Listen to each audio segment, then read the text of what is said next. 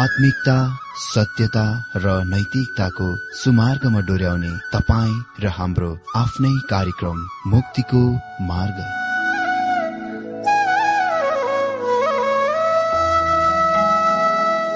आदरणीय श्रोता यस मुक्तिको मार्ग कार्यक्रममा हार्दिक स्वागत छ।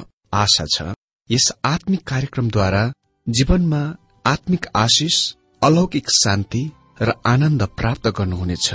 र जीवनमा धन्य अनुभव गर्नुहुनेछ। आउनुहोस् श्रोता मन र आत्माको तयारीको लागि यो मिठो अनि मधुर भजन गीत सुनौ। यो जिन्दगी बिहेन पलभरमा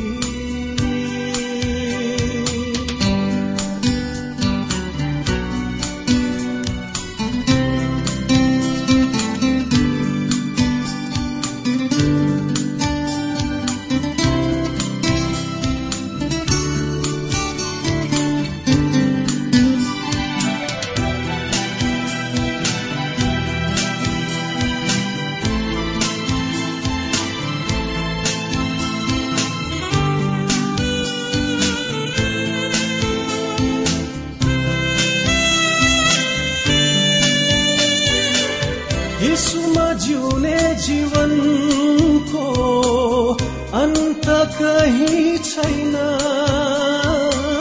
यसुमा जिउने जीवनको अन्त कहीँ छैन। कृष्णको न्यानो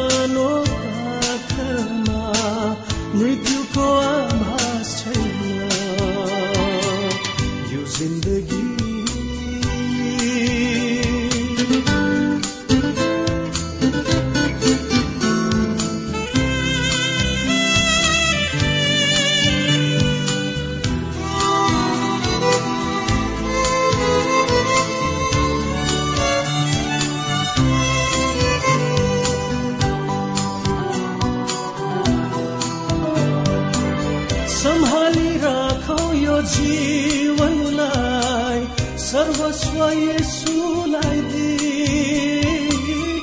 सम्हाली राखौ यो जीवनलाई सर्वस्व यसुलाई दिई। कृष्णको अनन्त प्रेममा मृत्युको आभास छैन। यो जिन्दगी यसो बिहेन पलभरमा जानेछ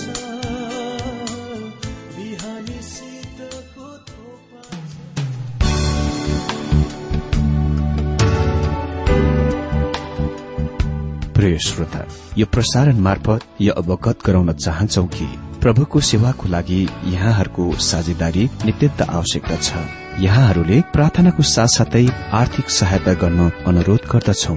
तपाईँहरूको सानो भन्दा सानो भेटी किन नहोस्? हामी प्रभुको नाममा स्वीकार गर्नेछौ। प्रभुको सेवाको लागि। तपाईँहरूको यो सानो लगानीले कसैको जीवनमा भिन्नता ल्याउँछ? अनि प्रभुको महिमा हुन्छ। प्रभु तपाईँहरूलाई महान गरी आशिष दिनुहुनेछ। इच्छुक श्रोताहरूले तपाईँको इच्छा भेटी हाम्रो ठेगानामा पठाउन सक्नुहुन्छ जुन ठेगाना हामी कार्यक्रमको अन्तमा दिनेछौ। प्रिय श्रोता मित्र प्रभु येशु ख्रिष्टको मधुर अनि सामर्थ्य नाममा मेरो जयमसी तथा हार्दिक स्वागत छ आजको यो बाइबल अध्ययन कार्यक्रममा। श्रोता आज हामी पवित्र धर्मशास्त्र बाइबलको क्रमबद्ध र श्रृंखलाबद्ध अध्ययनको क्रममा बाइबलको नयाँ पुस्तक पुरानो नियमको नयाँ पुस्तक सपन्या भन्ने पुस्तकबाट आरम्भ गर्न गइरहेका छौं। र आज हामी खालि परिचय भाग मात्र देख्नेछौ। सपन्याले अरू कुनै साना भविष्यवाणी पुस्तक लेख्ने भविष्य भक्ता वा माइनर प्रोफेट्स भन्दा उत्तम गरेर आफ्नो परिचय दिन्छन्। हबकुकले आफैलाई मौनतामा छिपाए। हामी उसको पृष्ठभूमिको बारेमा केही पनि जान्दैनौ तर सपन्य चाहिँ ठिक विपरीत अधिक धेरै सामान्य भन्दा धेरै हामीलाई आफ्नो बारेमा बताउँछन्। उसले आफ्नो वंश पछाडि आफ्नो हजुरबुबाका पनि हजुरबुबा हिजक्यातिर गएर पत्ता लगाउँछन् वा खोज्छन्। अनि हामी जान्दछौ कि हिजिकिया यहुदाका राजा थिए। अर्को शब्दमा सपन्या राजकीय वंशका थिए। सपन्याले यो आफ्नो पुस्तक लेखाइको मिति आफ्नो परिचयलाई स्पष्ट गरे स्पष्ट रूपमा बताएका छन्। सपन्या एक अध्ययको एक पदमा भनिएको छ आमोसको छोरा यहुदाको राजा योसियाको शासनकालमा हिजिकियाका जनाती अमरसियाका पनाती गदल्याका नाति कुशीका छोरा सपन्य कहाँ परमप्रभुको यो वचन आयो। त्यो त्यस राष्ट्रको लागि अन्धकारको दिन थियो। हेब्रू शास्त्रको प्रबन्ध अनुसार क्रमबद्ध अनुसार सपन्य कैद वा बन्धुवा भन्दा पहिले वा अघिको अन्तिम भविष्य वक्ता थिए। उनी यर्मिया र सम्भव निकासँगका समकालिक थिए। यद्यपि म त्यसमा सन्देह गर्दछु। उसको चाहिँ दाउदको राज्यको विजय गीत थियो र यहोसुको शासन अवधि जागृतिको लागि प्रेरणा र प्रोत्साहन दिने कामका वा काममा उसको ठूलो हात थियो। सपन्याको सानो पुस्तक कहिले पनि योहना तीन अध्यायको सोह्र पद वा युहानको सुसमाचारको स्थान लिने छैन जुन चाहिँ बाइबलमा जनप्रियताको लागि सबभन्दा पहिलो स्थानमा छ। यो पुस्तकको विषय सूची कहिले पनि प्रसिद्ध भएको छैन जनप्रिय भएको छैन। म सन्देह गर्दछु कि यो त्यति धेरै नै पढिँदछ भनेर। म यो भन्न आँट गर्दछु कि कतिले त सपन्याको पुस्तकबाट कहिले पनि सन्देश सुनेका छैन मैले केही साल पहिले एउटा मण्डलीमा यस पुस्तकबाट प्रचार गर्नुपर्ने थियो र मैले झुण्डहरूलाई सोधे कि कतिले अघि वा पहिले यस पुस्तकबाट सन्देश सुनेका छौ। त्यहाँ उपस्थित करिब पच्चिस सयदेखि लिएर तीन हजार जना जमातबाट मैले खालि दुई हातहरू मात्र माथि उठाएको देखे। त्यस्तो उपेक्षा वा व्यवस्था व्याख्या। यो सानो पुस्तकको हिन्ता वा सामान्यताको कारणले होइन। यदि त्यसको विषयको थाहा भएदेखि म सोच्दछु कि यसको अति धेरै नै प्रशंसा गरिनेछ किनभने यससँग उही विषय छ जुन योहानको सुसमाचारको पुस्तकसँग छ। योहानलाई प्रेमको प्रेरित भनिन्दछ। र जब हामी यो पुस्तकलाई अध्ययन गर्छौं हामी यो कुरा पत्ता लगाउँछौ सपन्या प्रेमको भविष्य वक्ता हुन्। तपाईँको लागि यो विश्वास गर्न कठिन होला तर मेरो विषयलाई प्रमाणित गर्न तपाईँलाई एउटा पद दिनेछु। तपाईँ युहान तीन अध्यय सोह्रसँग चिर परिचित हुनुहुन्छ तर के सपन्य तीन अध्यायको सत्र पदसँग चिर परिचित हुनुहुन्छ? यहाँ लेखिएको छ परम प्रभु तेरा परमेश्वर तसित हुनुहुन्छ। उहाँ बचाउनलाई सामर्थ्य हुनुहुन्छ। उहाँ तसित अत्यन्तै आनन्दित हुनुहुन्छ। उहाँले आफ्नो प्रेममा शान्त पार्नुहुनेछ। गीत गाएर उहाँ तेरो बारेमा रमाउनुहुनेछ। यो अति नै सुन्दर र प्रिय कुरा हो। होइन र? तर सपन्या योहनाको सुसमाचारबाट अलिकति फरक वा अलग छन् किनकि यो पद खालि सानो द्वीप हो जुन सामुद्रिक आदि तुफानको बीचमा शरण स्थान हो।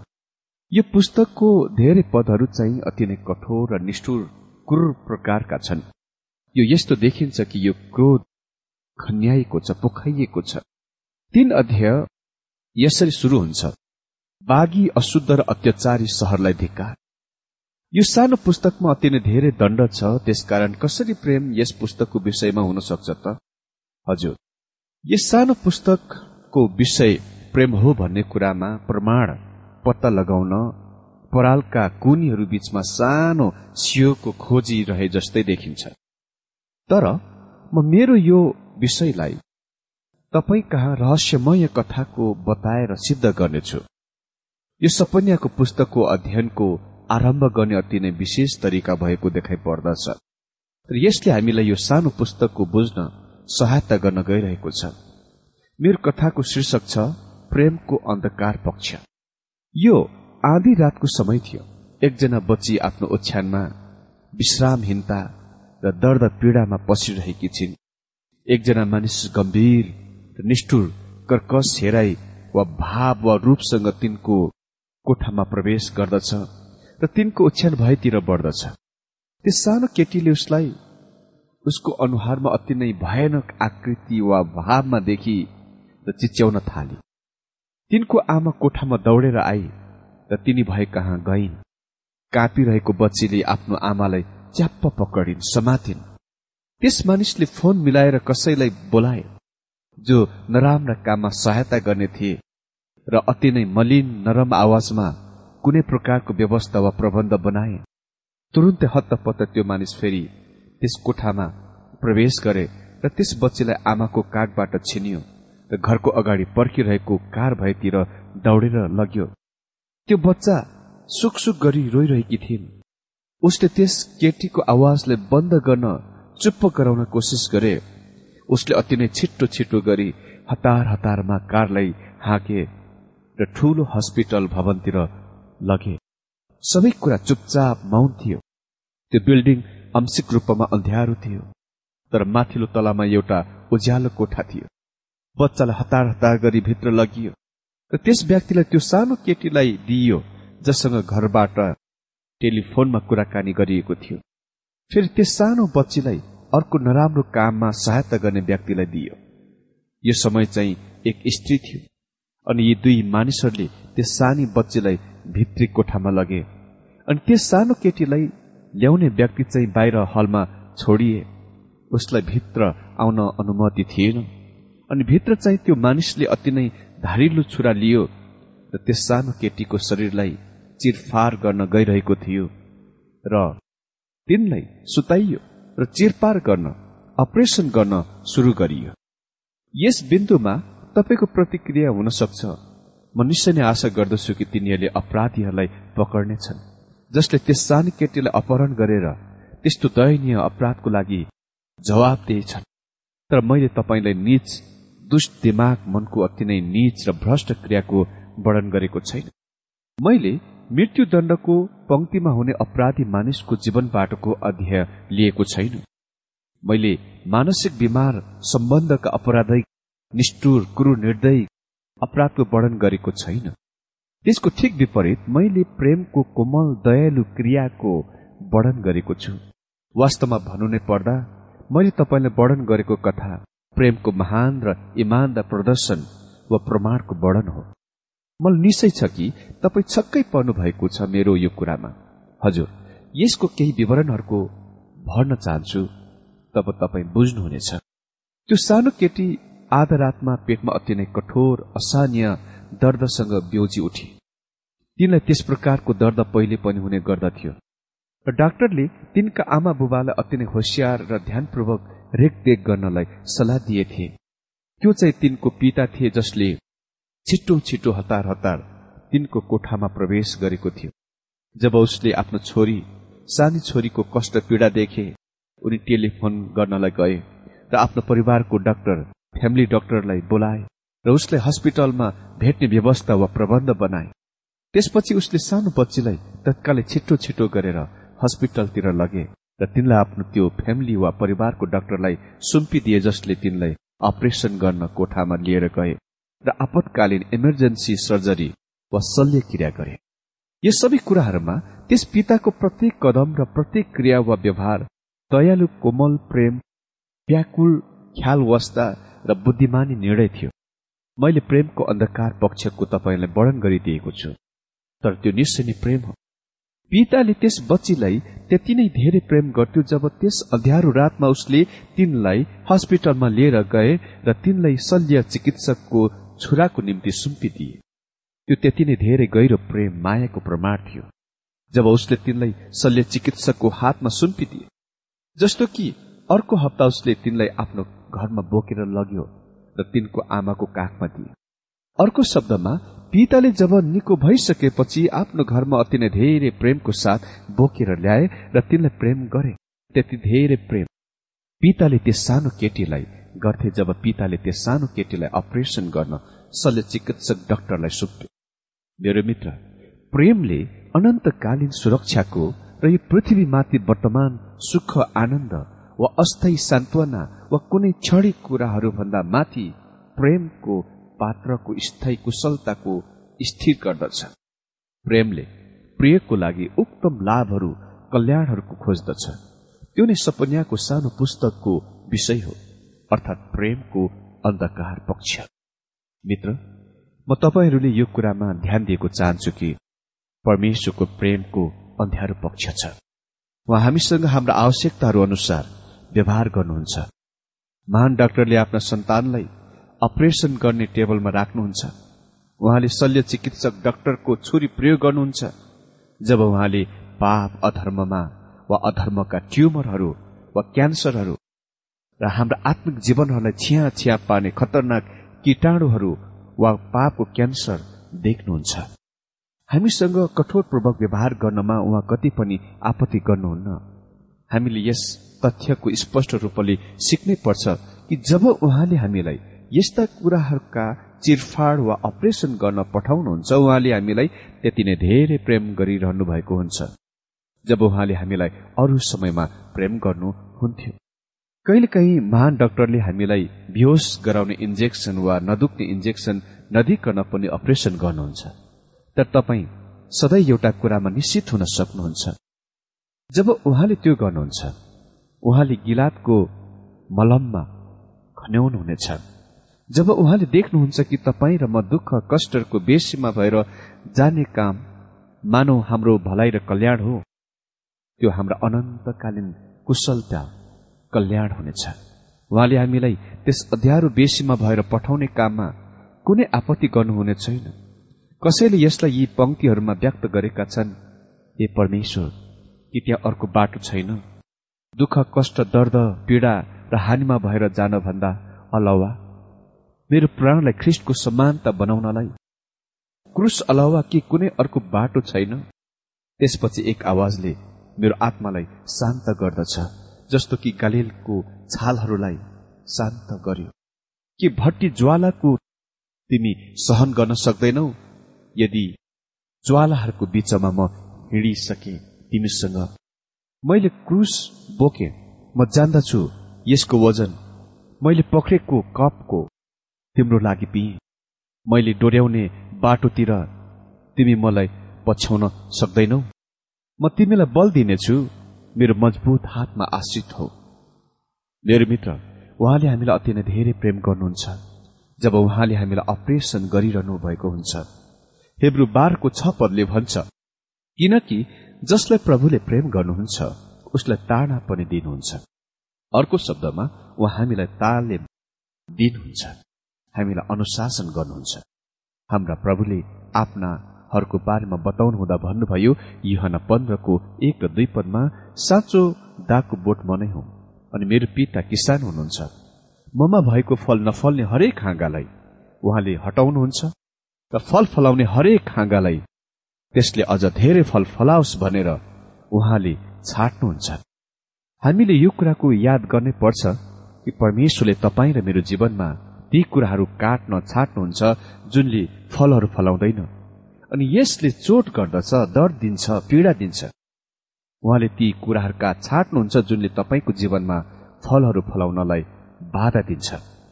स्पर्जनले मौसमको बारेमा जनाउ दिने यन्त्र देखे जुन एक अमेरिकी किसानको खालामा थियो। त्यो असामान्य प्रकारको मौसम हावा यन्त्र वा बेन थियो। किनकि त्यसमा ती शब्दहरू लेखिएको थियो परमेश्वर प्रेम हुनुहुन्छ। स्पर्जनले उसलाई सोधे के तिम्रो यस कथनद्वारा तिम्रो मतलब यो हो कि परमेश्वरको प्रेम हावा जस्तै बदलिनुहुन्छ? उसले भन्यो अह मेरो मतलब यो होइन। परमेश्वर त्यसरी बदलिनु हुन्छ भन्ने मेरो मतलब होइन। मेरो मतलब हो जुन दिशातिर बाटोतिर हावा बहोस् परमेश्वर प्रेम हुनुहुन्छ। आज त्यो दक्षिण बाटोको मलिन हावा हुन सक्छ जुन उहाँ तपाईँको जीवनमा बहन ल्याउनुहुन्छ। किनकि उहाँ तपाईँलाई प्रेम गर्नुहुन्छ तर भोलि उहाँले उत्तरबाट शीतलहरका हावा तपाईँको जीवनहरूमा बहन लगाउन सक्नुहुन्छ अनि यदि उहाँले त्यो गर्नुहुन्छ भने उहाँले तपाईँलाई अझै पनि प्रेम गर्नुहुन्छ। मैले यो नै सन्दर्भमा एउटा अंग्रेजीको कविता पढेको थिएँ जुनको म यहाँ अनुवाद गरेर उल्लेखित गर्न चाहन्छु। परमेश्वरले सधैँ नील गगन आकाशको प्रतिज्ञा गर्नुभएको छैन। न हाम्रा जीवनहरूमा जीवनभरि सधैँ सुन्दर आनन्ददायक मार्गको प्रतिज्ञा नै गर्नुभएको छ। परमेश्वरले वर्षा बेगर सूर्यको दुःख बेगर हर्ष र दर्द बेगर शान्तिको प्रतिज्ञा गर्नुभएको छैन। परमेश्वरले प्रतिज्ञा गर्नुभएको छैन हामीले कष्ट र परीक्षाहरू समस्या र विपत्तिहरू थाहा पाउने छैनौँ। उहाँले हामीलाई भन्नुभएको छैन कि हामीले धेरै बोझहरू बोक्ने छैनौँ।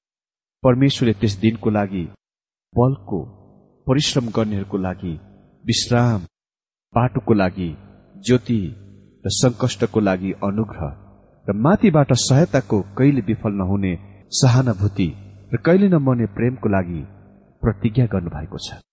मेरो मित्र यदि तपाईँ परमेश्वरको सन्तान हुनुहुन्छ र दुःख कष्टको स्थानमा हुनुहुन्छ भने निश्चय हुनुहोस् र यो कुराको थाहा पाउनुहोस् कि परमेश्वर तपाईँलाई प्रेम गर्नुहुन्छ।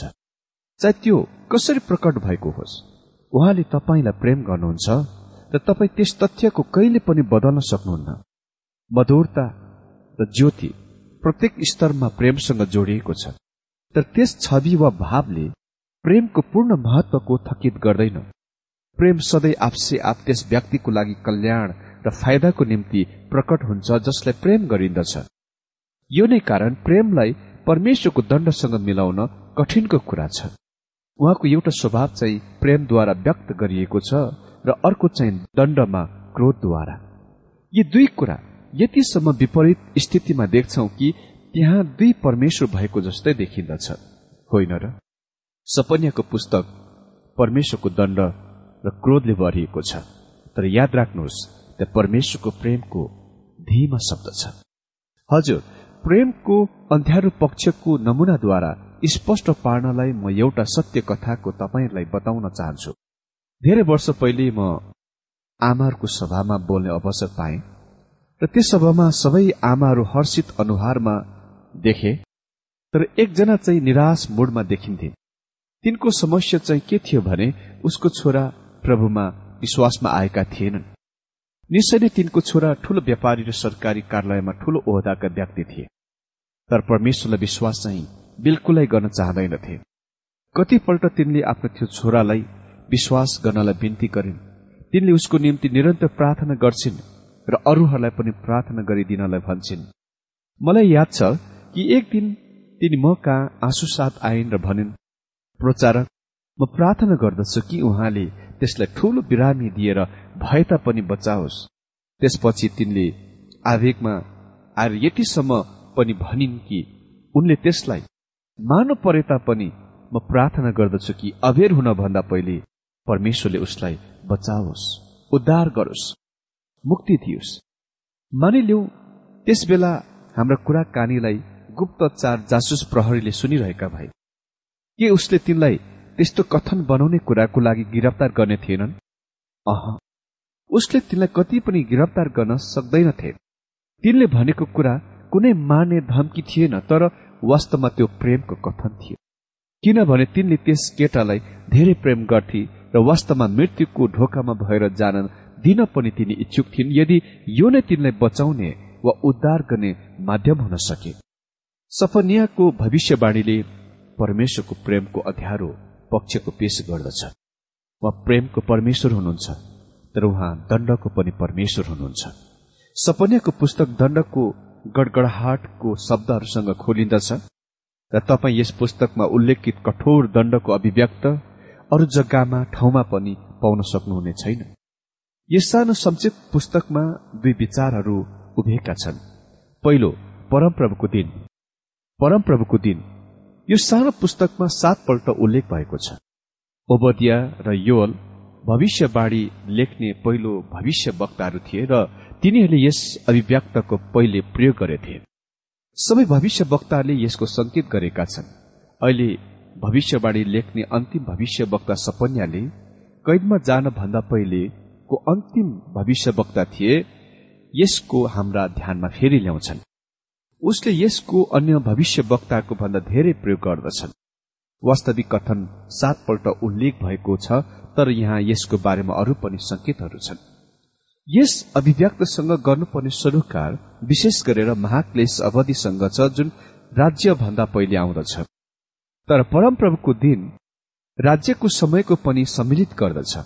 महाक्लेश व्यक्तिगत रूपमा हजार वर्षीय राज्य युगमा आफ्नो राज्य स्थापित गर्न पृथ्वीमा ख्रिस्टको आगमनद्वारा अन्त हुनेछ।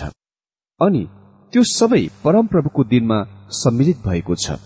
सपन्याको पुस्तकमा मुख्य जोड दण्डमाथि छ। युएलले आफ्नो भविष्यवाणीलाई महान सलहका महामारीको वर्णनसँग आफ्नो भविष्यवाणीको आरम्भ गर्छन्।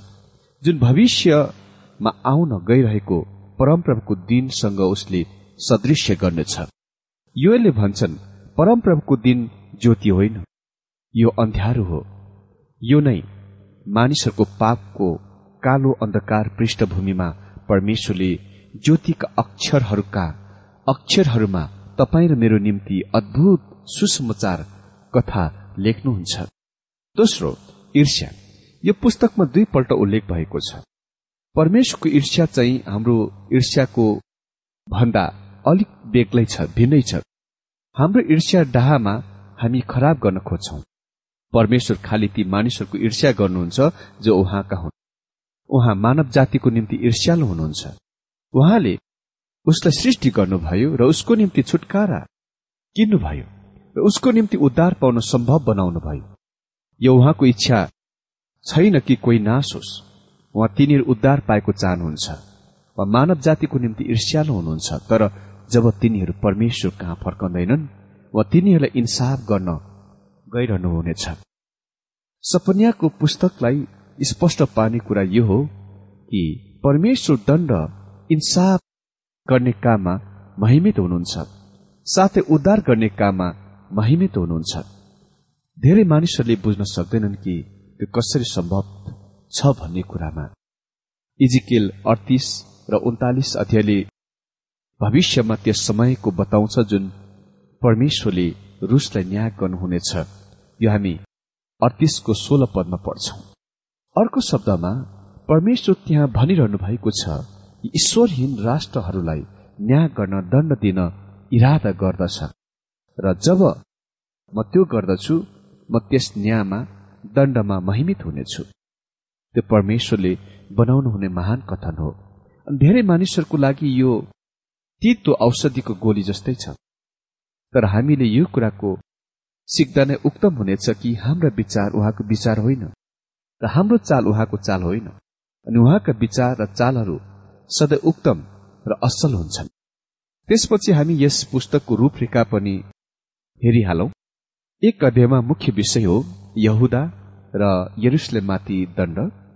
दुई अध्याय एकदेखि तीन अध्याय आठ पदसम्म मुख्य विषय हो पृथ्वीको र सम्पूर्ण राष्ट्रको दण्ड।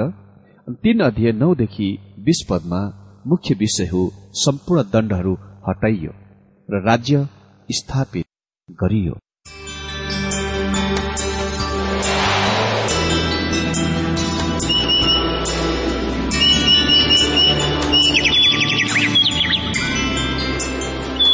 प्रिय श्रोता अहिले भर्खरै तपाईँले टीडब्ल्यूआर नेपालद्वारा सञ्चालित आत्मिक कार्यक्रम मुक्तिको मार्ग सुनिरहनु भएको थियो। श्रोता आजको यो कार्यक्रम सुनेर तपाईँलाई कस्तो लाग्यो? यदि यो कार्यक्रम सुनेर मनमा कुनै खुल्दुली वा कुनै प्रतिक्रिया अर्थात सुझावहरू छन् भने हामीलाई पत्रद्वारा लेख्न सक्नुहुनेछ। हामी हृदयदेखि नै स्वागत गर्नेछौ स्वीकार गर्नेछौ साथै बाइबल सम्बन्धित प्रचारहरू कार्यक्रम सारणीहरू हामी अनुरोधमा पठाउन सक्छौ। अनि तपाईँसँग कुनै प्रार्थनाको विषय छन् भने हामीले तपाईँको लागि प्रार्थना गरेको चाहनुहुन्छ। भने प्रभुमा आफ्नै परिवार सम्झेर हामीलाई पत्रमा लेख्न सक्नुहुनेछ। तपाईँको लागि हामी प्रभु येशुसँग प्रार्थना गर्नेछौ। अधिक जानकारी र पत्रचारको लागि हाम्रो ठेगाना यस प्रकार छ। कार्यक्रम मुक्तिको मार्ग जीपीओ नम्बर उनानब्बे पचहत्तर एपीसी पच्चिस एकसठी काठमाडौँ। ठेगाना एकपल्ट सुन्नुहोला। कार्यक्रम मुक्तिको मार्ग जीपीओ नम्बर उनानब्बे पचहत्तर एपीसी पच्चिस एकसठी काठमाडौँ। हाम्रो इमेल एड्रेस हो TWR Nepal at Yahoo dot com. साथै यस नम्बरमा एसएमएस गर्न सक्नुहुनेछ। अन्ठानब्बे चार सत्तरी पैतिस छ सय उनासी नौ आठ चार सात जिरो तीन पाँच छ सात नौ। हुन्छ श्रोता आजलाई हामी विदा चाहन्छौ। अर्को कार्यक्रममा हामी पुनः भेट्नेछौ तबसम्मलाई नमस्कार।